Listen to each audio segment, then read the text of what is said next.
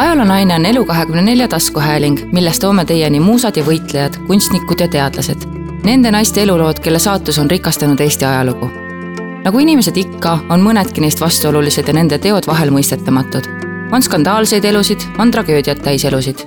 mõne õrnema soo esindaja vaated vapustasid ühiskonda, mõni kisti korraks rambivalgusse, et anda mõtestatust teda ümbritsenud oludele. kõik nad väärivad mõistmist ja austust ajaloonaise lood on kirjutanud Heili Reinart. otsi raamatupoodidest ka raamatuid Õrnad ja tugevad ning unustatud ja unustamatud naised Eesti ajaloost.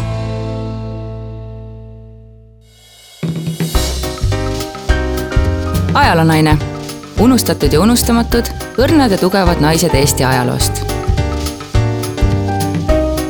Asta Otsa lugu Asta Saar oli vastuolulise ajakirjaniku, kupletisti ja följetonisti Hendrik Saare tütar, Teater Estonia tantsija ja laulja Georg Otsa abikaasa. kõige hävitavama hinnangu temale on andnud laulja õde. Asta oli ju loodusõnnetus, nümfomaan ja joodik. samas kui kolleegid teatrist on öelnud, Asta oli kunstnik, kuulsa mehe naine pole kerge olla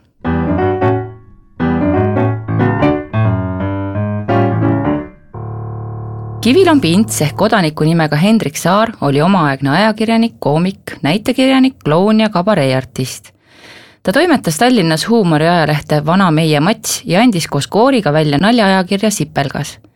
kord sattus noor ajalehereporter mustlaslaagrit külastama ja üheksa kuu pärast, kahekümne seitsmendal augustil tuhat üheksasada kakskümmend, sünnitas mustlasneiu Roosi Hendrikule lokkispäise ja terve tüdruklapse nime sai ta tolleaegse kuulsa tumedaverelise Taani tummfilmi vambi Asta Nielseni järgi. paraku sai selle pere õnn juba kolme aasta pärast otsa. kena Roosi leidis endale uue armastuse ja putkas koos selle ja tütrekesega kaubalaeval Tallinnast minema. Hendrik ei proovinudki püüda tuult väljal. ta jätkas näite- ja ajaviitekirjanikuna, kirjutas lastejutte ja kupleesid kivilombi Intsu loomingusse kuulus ka rohkesti põnevuslugusid ja poleemikat tekitanud romaane nagu Elli langemine ja Lõbunaisterahva romaan Hendrik tõlkis operetitekste ja teatrinalju, esines kupleelauljana ja estraadinäitlejana, lavastas enda kirjutatud näidendeid Paul Pinna Rahvateatris. tema ajakirju pandi väga sageli kinni või läksid nad pankrotti, aga jonni ta ei jätnud, asutas siis aga uue. nii tulid aegade jooksul Meie Mats, Naljaleht ja jõulualbum.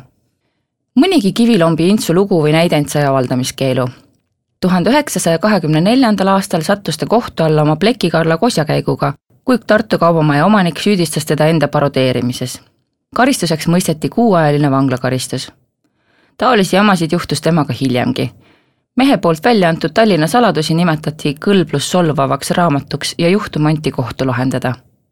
pärast seda, kui eksperdiks kutsutud Anton Hansen Tammsaare oli teose tunnistanud sopakirjanduseks, otsustati selle kuus väljaannet kauplustest konfiskeerida ja Kivilombi Intsule määrati trahv sellele vaatamata, et ta ennast kohtus südilt kaitses kaunis Roosi oli aga jõudnud oma armsamaga Prantsusmaale ja sealt kavandasid nad edasi rännata Lõuna-Ameerikasse.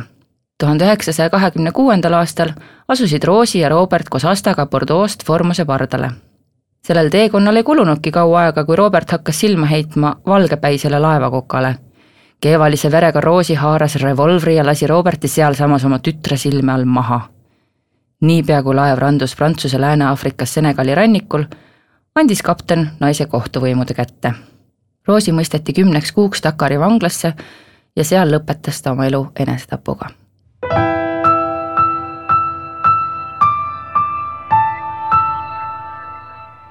Asta toimetati tagasi Prantsusmaale ja anti nunnade hoole alla.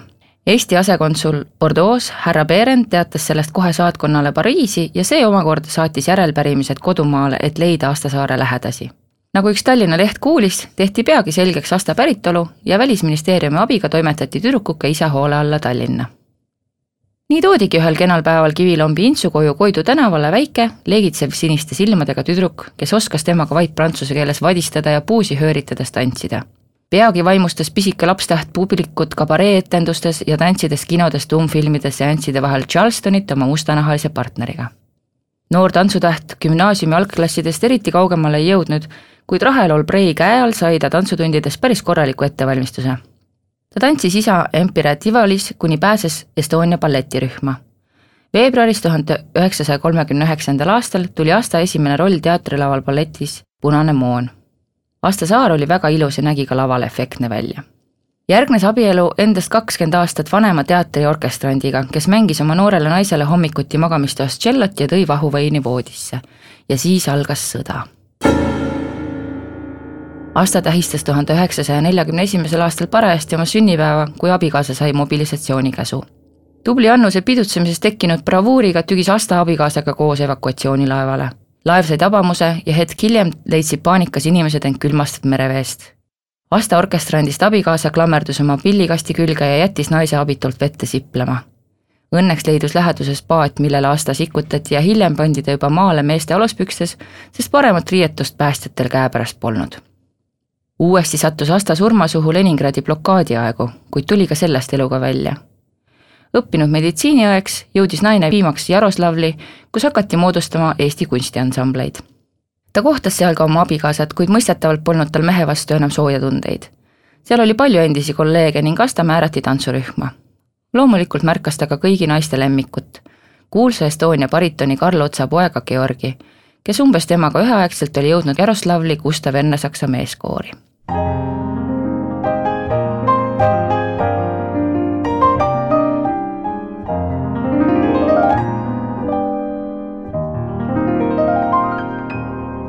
Georg Ots oli sündinud Astaga samal aastal, tuhat üheksasada kakskümmend Petrogradis, kus perekond opteerus Eestisse.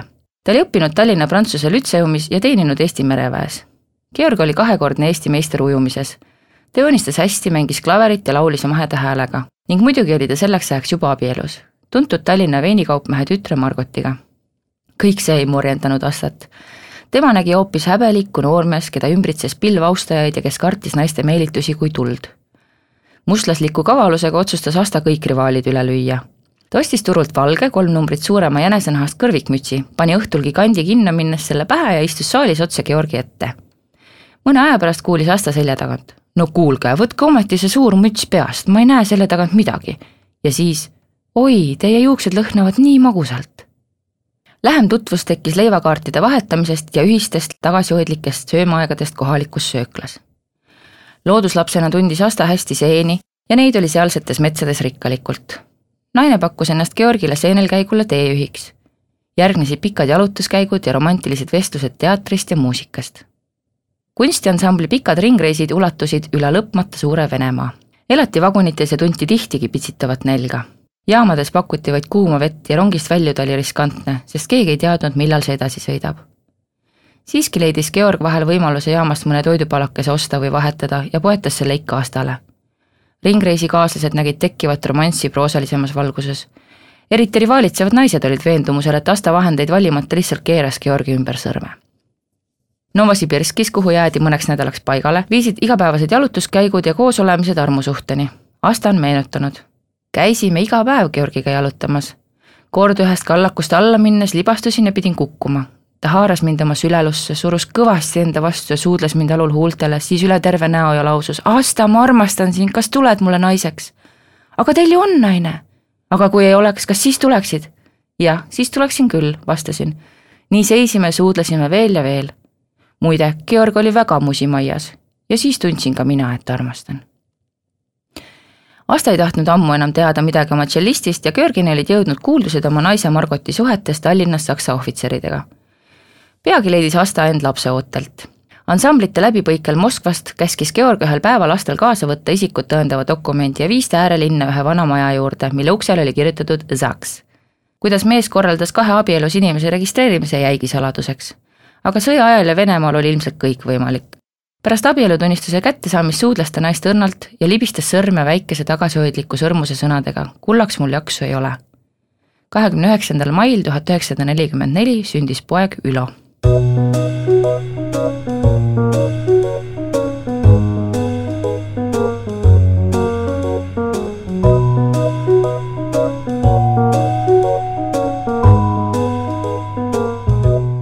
koju Tallinna saabunult põhjustasid nad otsade peres paraja šoki. Georgi vanemad olid poega ammugi surnuks pidanud ja Margot oli lahkunud Saksamaale. Karl Otsal oli õnnestunud puruks pommitatud pealinnas mingi korter saada ja sinna kolis nüüd ka Asta koos perega tema isa Hendrik Saar oli sõja ajal avaldanud ajalehes Hitleri kohta följetoni, mille peale Saksa okupatsioonivõimud olid ta arreteerinud. tuttavad näinud teda viimati tuhande üheksasaja neljakümne neljanda aasta kevadel vangide roodus Tallinna tänavaid puhastamas. Estonia oli puruks pommitatud, kuid teater alustas siiski tegevust kino Gloria kitsukestes ruumides kuni aastani nelikümmend seitse. Georg astus konservatooriumi ning võeti Estonia ooperikoori. Asta aga pani uuesti jalga oma varvaskingad ja jätkas sõjaeelset tantsija karjääri. teda märgati eelkõige karaktertantsijana Estonia ajalukku jäid tema Jacinta Laurentiast ja Carmencita Don Quixotist. Asta tantsitud ema kudulate Esmeraldas saatsid pisaraid saalid. ent peagi hakkas Asta kuulsust varjutama tema abikaasa Menu. Juba neljakümne neljanda aasta lõpul sai Georg vastu oma isa tahtmist ooperituleristset Jevgeni Oneginis. varsti järgnes debüüt operetis koos Meta Kodaniporkiga. peagi esines ta mitmes orkestris solistina ja laulis raadios. Georg Otsa kuulsus hakkas end koguma kolmandal detsembril tuhat üheksasada nelikümmend seitse sündis Otsade abielupaaril tütar Ülle. rahapuudus oli noores peres üsna suur ja kui pere esiklaps haigestus ajukelme põletikku, tuli ravimite ostmiseks võtta laenu. Ülo siiski paranes, kuid jäi terve nooruki ja haigustega võitlema, põdedes muuhulgas luutuberkuloosi. pereeluks ei jäänud noortel eriti aega. kodus askeldas lastega rohkem Karl Otsa õde Ida. Sakala tänava korteris eriti laiutada ei saanud, kokku oli seal neli tuba lisaks lavatöödele kuulusid otsad nii Asta, Georg kui Karl kommunistlikku parteisse, mille Rakuke hoolega koosolekuid pidas. eriti ohtralt võtsid seal sõna primadonnad Marta Rungi ja Olga Lund, kuid ega Astagi eriti maha jäänud. Kui lapsed juba veidi suuremaks said, võeti neid tihtipeale tööle kaasa. teatriinimeste lapsed ju teatris kasvavadki, on meenutanud tütar Ülle. sinna võeti meid ühes, see oli meie jaoks kui teine kodu isa Georgi ja ema Asta garderoobe lahutas teatris vaid paar-kolm must terve maja oli lastele viimse sopini tuttav, alumistest korrustest pööninguni välja. Georgi üleliiduline tuntus muudkui kasvas. neljakümne üheksandal aastal lindistati Saaremaa valss ja kaks aastat hiljem tulid juba filmid. Kui kodudesse jõudsid esimesed televiisorid, polnud Georgi kuulsusel enam otsa ega äärt. pingeid tekitas tuhande üheksasaja viiekümnenda aasta algul levinud kuulujutt Georgi homoseksuaalsusest kuulujuttude levitajaks oli parteikaaslane Olga Lund ja sellesse segati ka balletitantsija Garibaldi Kivisalu. Georg oli valmis laimamise pärast kohtusse minema. Kivisalu on hiljem asjaloost jutustanud. mäletan, et seal tõesti olid mingid segadused Olga Lundiga ja inimesi kutsuti selle looga seoses ka välja, kuid mind ei kutsutud. Jutt oli, et Ots oli öelnud, et jätke Kivisalu rahule. Ots oli Estoniasse tulles väga kinnine, ei osanud istuda ega astuda, laval täitsa krampis. mina siis õpetasin Otsale privaatselt liikumist Estonia keegliruumis keldris, sest Ots häbenes teiste silme ees harjutussaalis seda teha Asta Ots muudkui küsis, mis asja me ennast teiste eest peidame. ja sellest võis tulla palju kadedust ja kuulujutte.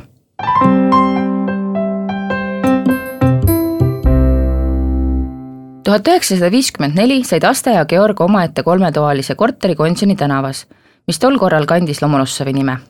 suures majalahmakas olid suurem osa elamispinnast asustatud armeeteenistuses ohvitseride perekondadega kui algasid Georg Otsa esimesed esinemisreisid Soome, siis korraldas KGB loomulikult pere kohta põhjaliku taustauuringu.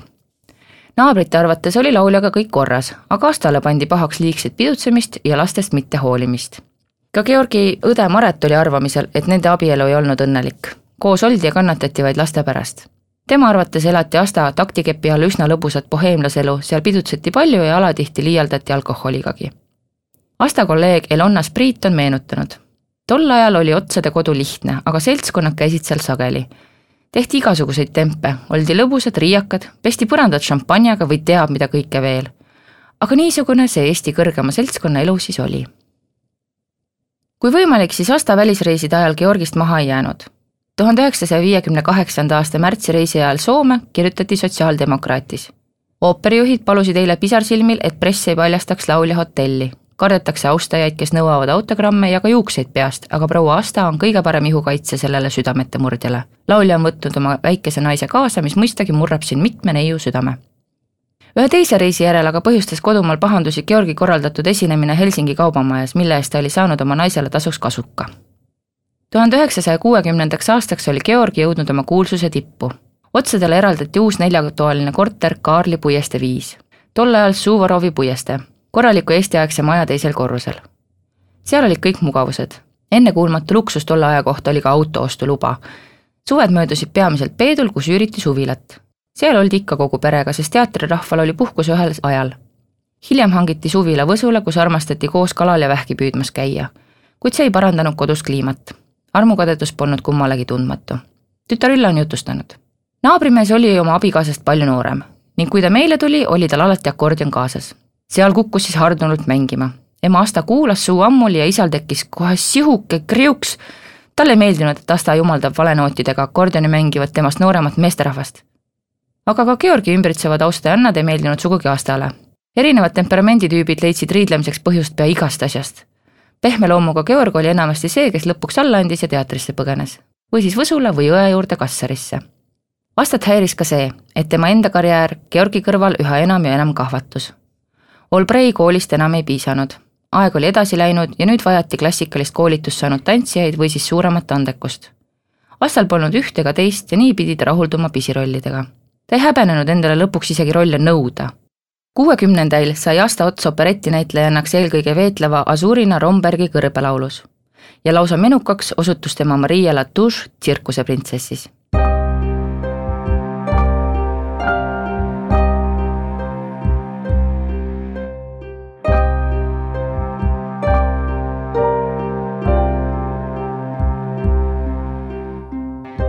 Asta ja Georg tegid mõlemad katseid suhteid parandada kõigepealt võeti tuhande üheksasaja kuuekümne esimesel aastal perre kaks poissi lastekodust. kolmeaastane Jüri võeti Tallinnast ja kuuene Hendrik toodi Saaremaalt. Asta ütles sõbranna Elonnale, et oma lapsed on juba suured, võimalusi on ja miks siis mitte võtta kasulapse ning ta üles kasvatada. kui vahva on siis, kui oleme vanad ja meil on palju lapselapsi. Hendrik oli väga musikaalne ja temaga laulis Georg tuntuks laulu Olgu jääv meile päike. Georg omalt poolt tegi abielu päästmise ürituse kuuekümne teisel aastal ühise Praha reisi ajal siis oli rahvakunstnikul ometi kord nii palju raha, et ta võis abikaasale kuldsõrmuse kinkida. koos käidi jälle ka Soomes ja Moskvaski, kuid kaks aastat hiljem mehe Egiptuse reisi ajal andis Asta lahutuse paberid sisse. Georg püüdis küll mitu korda lepitust otsida, kuid seda ei tulnud. õde Maret, kes kahtlustas vennanaist raha väljapressimises, muretses advokaadi. sellegipoolest jõudis kohus otsusele, et abielu purunemises on süüdi mõlemad pooled ja alimendid määrati tõepoolest soolased alaealised lapsed jäid kõik vastavalt nõukogudeaegsele praktikale ema kasvatada, täiskasvanud üle aga isa juurde elama. Asta ja Garibaldi Kivisalu vahetasid omavahel korteri, nii jäi endine perekond siiski lähestikku ühisele hoovile, kuigi erinevatele tänavatele elama. Asta ei lubanud lastel pärast lahutust isaga kohtuda ja nii tegid nad seda salaja. kasulaste kasvatamine naisel paraku libedalt ei läinud, poisid läksid üle käte. Jüri sattus Sindis erikooli ja Hendriku pani Asta ise internaatkooli üsna pea jäi Asta varasele baleriinipensionile. Georg kohtas Garibaldi sünnipäevapeol Tallinna moemaja mannekeeni Ilonat, omaaegset kaanetüdrukut, kes oli Astast kakskümmend aastat noorem ja nad abiellusid peaaegu kohe pärast tutvumist. ka Asta abiellus uuesti, endast viisteist aastat noorema Väino Aavikuga. Nende abielu ei jäänud püsima kui Georg Ots tuhande üheksasaja seitsmekümne viiendal aastal suri, siis päädis see suurejooneliste riiklike matustega kuulsa lahkunu perest prevaleerisid seal Ilona Ots koos tütre ning suure hulga partei ja muude tegelastega. Asta juhatati koos Üllega kontserdisaali rõdule. vanaduspäevil pidas Asta Mähel korraga mitut koera, kasvatas lille ja kirjutas luuletusi. vahetult enne surma tunnistas ta, et kahetses pikki aastaid oma lahkuminekut Georg Otsast. kuni surmani oli ta aga veendunud, et just tema oli see, kes tegi Georgist staari ja keda Georg armastas Asta oli lumpen proletariaat, kellega Georg ainult laste pärast vastu pidas, on kommenteerinud otsa õde Maret kakskümmend kaks aastat püsinud abielu. mis armastus, ta oli ilus naine, Georg korjas ta üles. aga tal oli enne mees ja pärast Georgi veel kolm, jõi nendega, kasvatas sigu ja laamendas, Asta on loodusõnnetus. Asta Ots suri üheksateistkümnendal märtsil kahe tuhandendal aastal. see oli Georg Otsa kaheksakümnenda sünniaastapäeva juubelinädal Pärnamäe krematooriumisse hüvasti jätma teadsid minna vaid kümmekond kõige lähedasemat. avalikkust tema ärasaatmisest ei teavitatud. vastaotsa viimne soov oli, et ta kremeeritaks ja tuhk visataks mööda ilma laiali.